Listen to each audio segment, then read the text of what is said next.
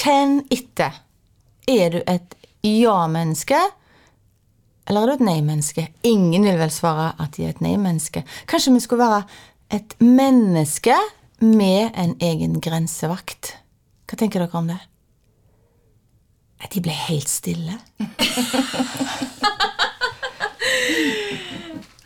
Jeg eh, sender utfordringen videre til Hilde, for at eh, jeg tror hun har et forhold til en grensevakt. Avslørt! Ja. ja. Jeg tror jeg sier ja til grensevakt, jeg. Ja. Ja. Fordi det høres jo så utfattelig sjarmerende og flott og fantastisk ut å være et ja-menneske. Som jeg tror egentlig eh, alle vi tre er, eller har vært, eller er i perioder. Men det har en pris. Det kommer med en liten kostnad. Eh, ja. Det kan jeg skrive under på. Mer om det i dagens lukeparkering. Ja. Jeg er vel et ja-menneske, eh, siden jeg eh, rett og slett måtte skrive under på den. den har, jeg har vært et ja-menneske hele livet. Og lite visste jeg at det skulle ha med seg ulemper. Um, så jeg syns jo eh, det å få seg en grensevakt kunne jo vært eh, et godt redskap for, eh, for meg òg. For jeg er ekstremt dårlig til å si nei. Um, jeg er blitt litt flinkere med årene. Litt mer egoistiske, hvis en skal si det sånn. Hvis en skal se det på den måten. Men det handler kanskje òg om at en blir mer bevisst med årene på eh, hva er viktig for meg, hva er ikke så viktig. Og det å faktisk lukeparkere, eller luke vekk i hverdagen, det som eh, er litt sånn tidssluker, eller hva skal vi kalle det? Tidstjuer, kanskje? Tidstjuer, Det er jo et eh, rett ord. Um, så, så dette jobber jeg knallhardt med faktisk hver eneste dag. Fordi jeg orker ikke å sløse med tida mi. Tida er mer verdifull enn noe annet. Hva sier du, Hilde, som har en grensevakt? Kan jeg, en, eh, en leigbar? Eh, ja, eller leigbar. Jeg, jeg anbefaler alle å finne sin egen Adoptere? Ansette sin egen. Ja, ansette. Ja, jeg har ansatt en. Er de dyre i drift? Nei, egentlig ikke. Eller jo, på en måte, men det er jo ikke, det er jo ikke økonomi det går i. Altså, det er jo kostbart å kjenne på at du sier nei, både til deg sjøl og til andre der du før sa ja. Det er jo ofte vondere det å, å koste på en måte mer i anførselstegn enn penger. Og det er jo er derfor vi kanskje sier ja til så mye. sant? Ja. Mm. Hva er vanskeligst å si nei til for din del? Eh, Det er jo ofte hvis folk trenger hjelp. Eh, som, altså jeg merker at de trenger hjelp, så eh, kommer jo ja, mennesker opp som en helt og du, du, du, du, på den eh, hvite hest. Og så òg ting som eh, virker gøy for meg sjøl. Altså, da er det jo ofte andre involvert òg. Og så er det sånn Ja, ja, det kan jeg gjøre. Og ja, og ja det! Det vil jeg jo være med på. Eh, så de tingene der tenker jeg har vært vanskeligst, og er vanskeligst å si nei til. Jeg kom på en historie. For at det er før um, I gamle dager Jeg er jo så unge, så jeg kan ikke si det engang. Du har jo gamle dager, du Ja, òg. nei da. Skulle bare se om dere var våkne. Men eh, når jeg var i 20-årene, så hadde jeg en CV eh, som var liksom veldig korrekt. Veldig proff. Eh, liksom skole, utdannelse, egenskaper, erfaring. Eh, hadde allerede fått meg litt erfaring. Og, eh, og da var jeg veldig på at min kapasitet er enorm. Altså ubegrensa kapasitet. Masse energi. Eh, og, og det var liksom bare sprudla av ja, ja, ja i hele CV-en. Jeg, jeg kan gjøre alt. Og det var min største stolthet i intervjufaser. Så kunne jeg vise frem det at Se, dette er jo et, altså Ja. Det er veldig bra. Um, og nå, den dag i dag, så er jo Så blir jeg jo helt motsatt. For nå har jeg jo gått på noen smeller. Nå har jeg lært litt på veien og funnet ut at eh, kjære Lisbeth som 20 burde kanskje visst om dette da. Eller noen kloke kunne sagt til meg, eller, eller et eller annet da, som gjorde at eh, du trenger ikke si ja til alt. Du trenger ikke være best i alt. Du trenger ikke si at du har uant kapasitet, fordi at eh, du trenger å hvile litt òg innimellom. Og du trenger å si at det er greit for meg, det er ikke greit for meg. Ehm, så der er har CV-en forandra seg helt. Da sier jeg eh, nei, jeg har bare dette å gå på. Og ikke sikkert at jeg sier ja til det, men kan, kanskje jeg sier ja, kanskje jeg sier nei. Det er mer åpent. Hva sier du, Karen? Jeg sier at det kan jo vitne om visdom. At du eh, kjenner hva du kan, og at du da kjenner at dette kan jeg garantere at jeg kommer til å gjøre med all min kraft og med god kvalitet. For det er jo noe med å si ja til for mye og ikke levere òg. Så da tenker jeg at det faktisk er en god egenskap. Og så vite på en måte Ok, dette har jeg, dette kan jeg gi. Men så tenker jeg òg at um, det med å si ja og si nei er jo ofte forbundet med ulike følelser, og de varierer etter hvor vi er, hvilken arena vi er på. Så for eksempel det som jeg ofte sier ja, er på jobb. Og det tror jeg gjelder mange. Og når du sier ja på jobb, og du kjenner at eh, vet du hva, egentlig så har jeg fylt tida mi faktisk litt til overtid, så kan det være at du har litt frykt for eh, å bli forbigått, ikke bli ansett som så dyktig. Altså det ligger så mye bak der som gjør at du Det er mye vanskeligere å si nei, men det kan være vel så nødvendig. Og det er i hvert fall viktig å være obs på det, tenker jeg. Hva er det som gjør at jeg til stadighet sier ja? Og nå snakker jeg jo mye til meg sjøl. Sier til stadighet ja. Er det frykt? Nei, kanskje ikke, eh, egentlig, men det kunne ha vært det. Eh, hva er det der? Hvorfor vil du være så flink hele tida? Eh, så det tenker jeg er bare viktig. I hvert fall viktig å vite og kjenne etter. Hva er det som gjør at jeg sier ja, hva er det som gjør at jeg sier nei, og hvorfor, hva har jeg egentlig lyst til? Og det tar en stund å finne ut av, men det er ikke umulig. Nei, og um, til det som du sier der, da, Karen Sofie, uh, og mm, CV-en din nå, den gamle CV-en din, Lisbeth, så leste jeg jo om uh, dette før jeg uh, skrev det innlegget på Facebook om grensevakt. Hva er det som gjør at vi sier ja? Og det handler jo om Vi, sier kanskje ja eh, mer på ulike arenaer, som du sier. Men det grunnleggende handler jo om bekreftelse. Vi vil bli bekrefta som gode nok.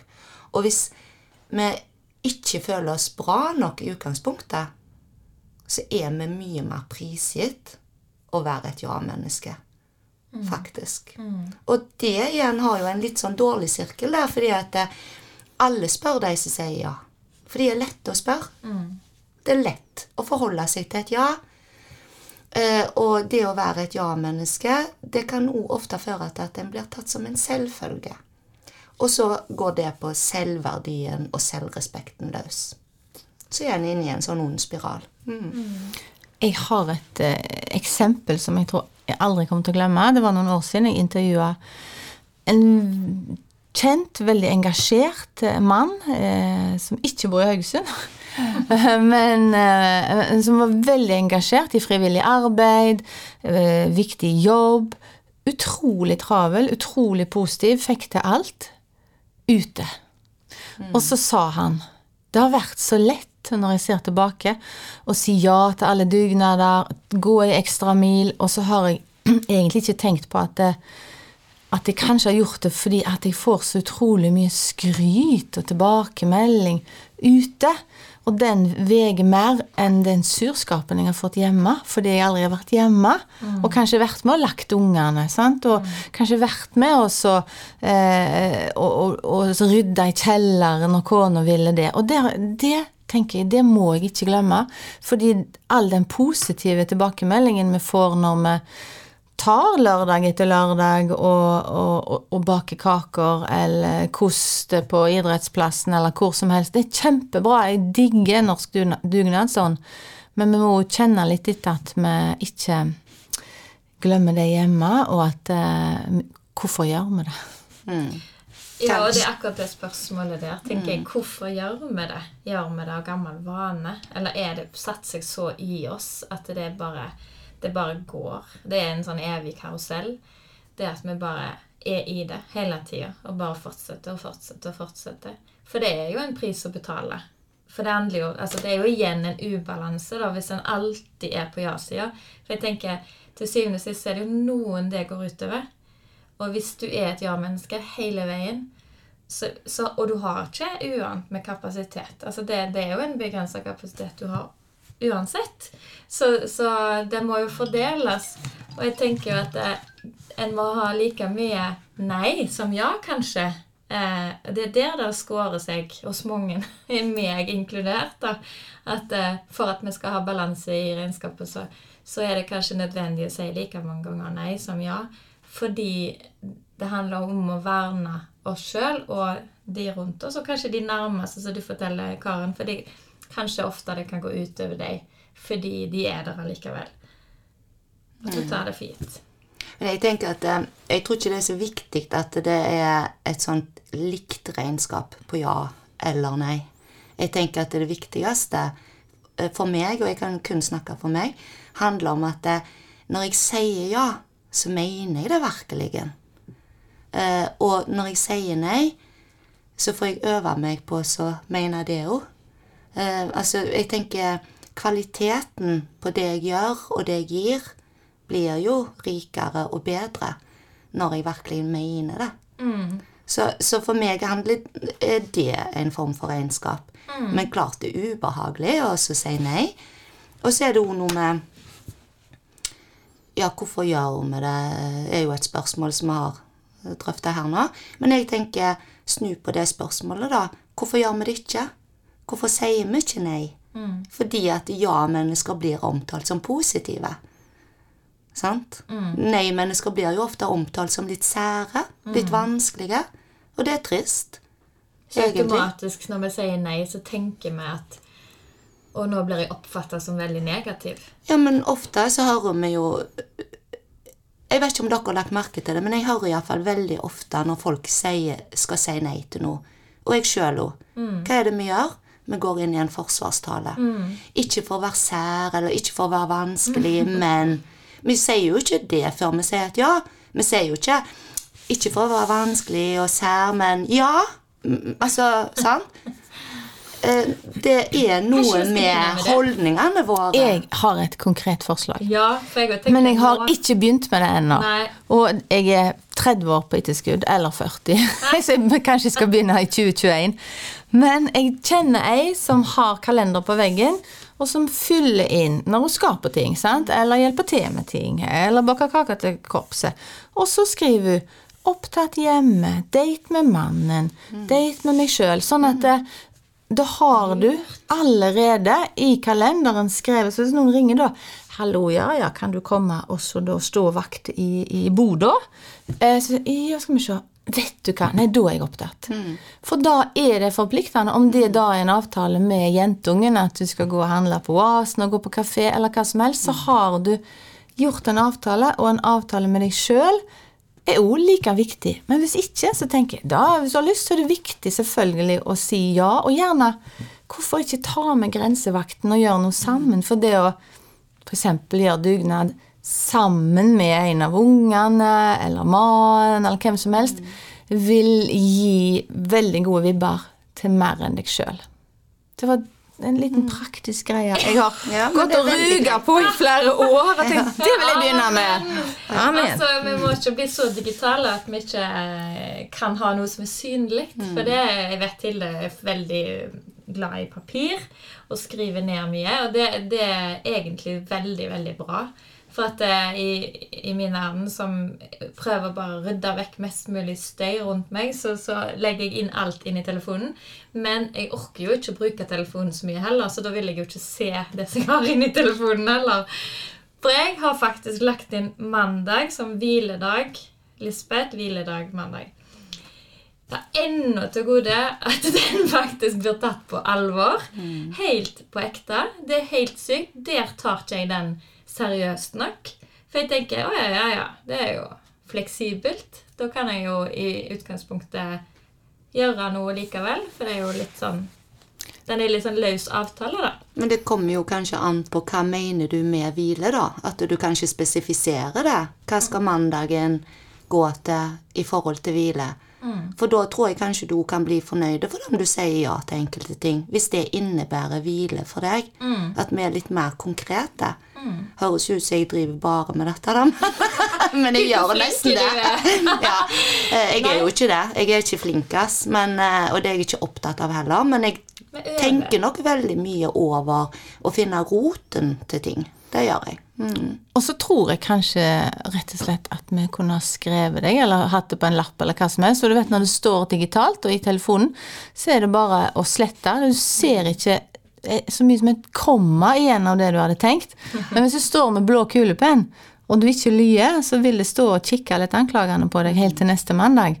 Og så tenke ok, da, greit, jeg ser deg. ja. Og jeg kan ha hviledag, for jeg driver for meg sjøl. Så jeg har mulighet til å legge inn sånne push-dag eller hviledag eller det som er. Så, så det er jo en fin mulighet til å faktisk ta meg sjøl på alvor og gjøre det akkurat det jeg har lyst til. Og kanskje jeg har gjort det litt òg. Ja, sant. Og så én ting jeg syns er superviktig i forhold til dette med ordet nei, det er at eh, når vi møter et nei, at vi respekterer det. fordi da er det enklere faktisk å respektere sine egne nei til seg sjøl og til andre. Og ikke gå inn i den 'ja, hvorfor ikke det', 'hva er det du skal da? 'hva er det som er viktigere da?' Sånn? Og da havner vi i en forklaringsklemme. Bare si 'nei, da er jeg opptatt', eller 'nei takk'. Kanskje vi kan utfordre både oss sjøl, for vi øver jo hele tida på alt det vi snakker om her. Eh, utfordre oss sjøl og alle våre millioner lyttere. Eh, det øker, vet du, noe så vanvittig. Til at vi sier nei med et smil og punktum. Og når noen sier nei til oss, så smiler vi og spør ikke. Og så har jeg en liten, litt sånn bisarr påminnelse helt til slutt. Men jeg, jeg bruker den faktisk ganske ofte.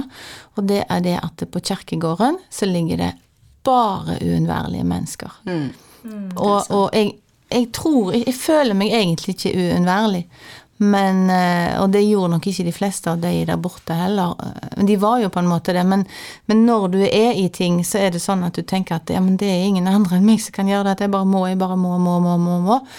Og så må vi må ikke gjøre alt Vi er faktisk uunnværlige. Ja, Eller uunnværlige. ja, ja, vi er unnværlige, men emosjonelt er vi uunnværlige Ja. for de som elsker oss. Og det er det viktigste. Og det skal vi snakke litt mer om i Ne- neste episode. Neste episode. Da skal vi rett og slett snakke om døden, og den har tatt eh, et skritt nærmere flere av oss. Ha ei fantastisk helg. Ja! Ja. Kos deg, og tenn lysene. Og luk vekk noen jar.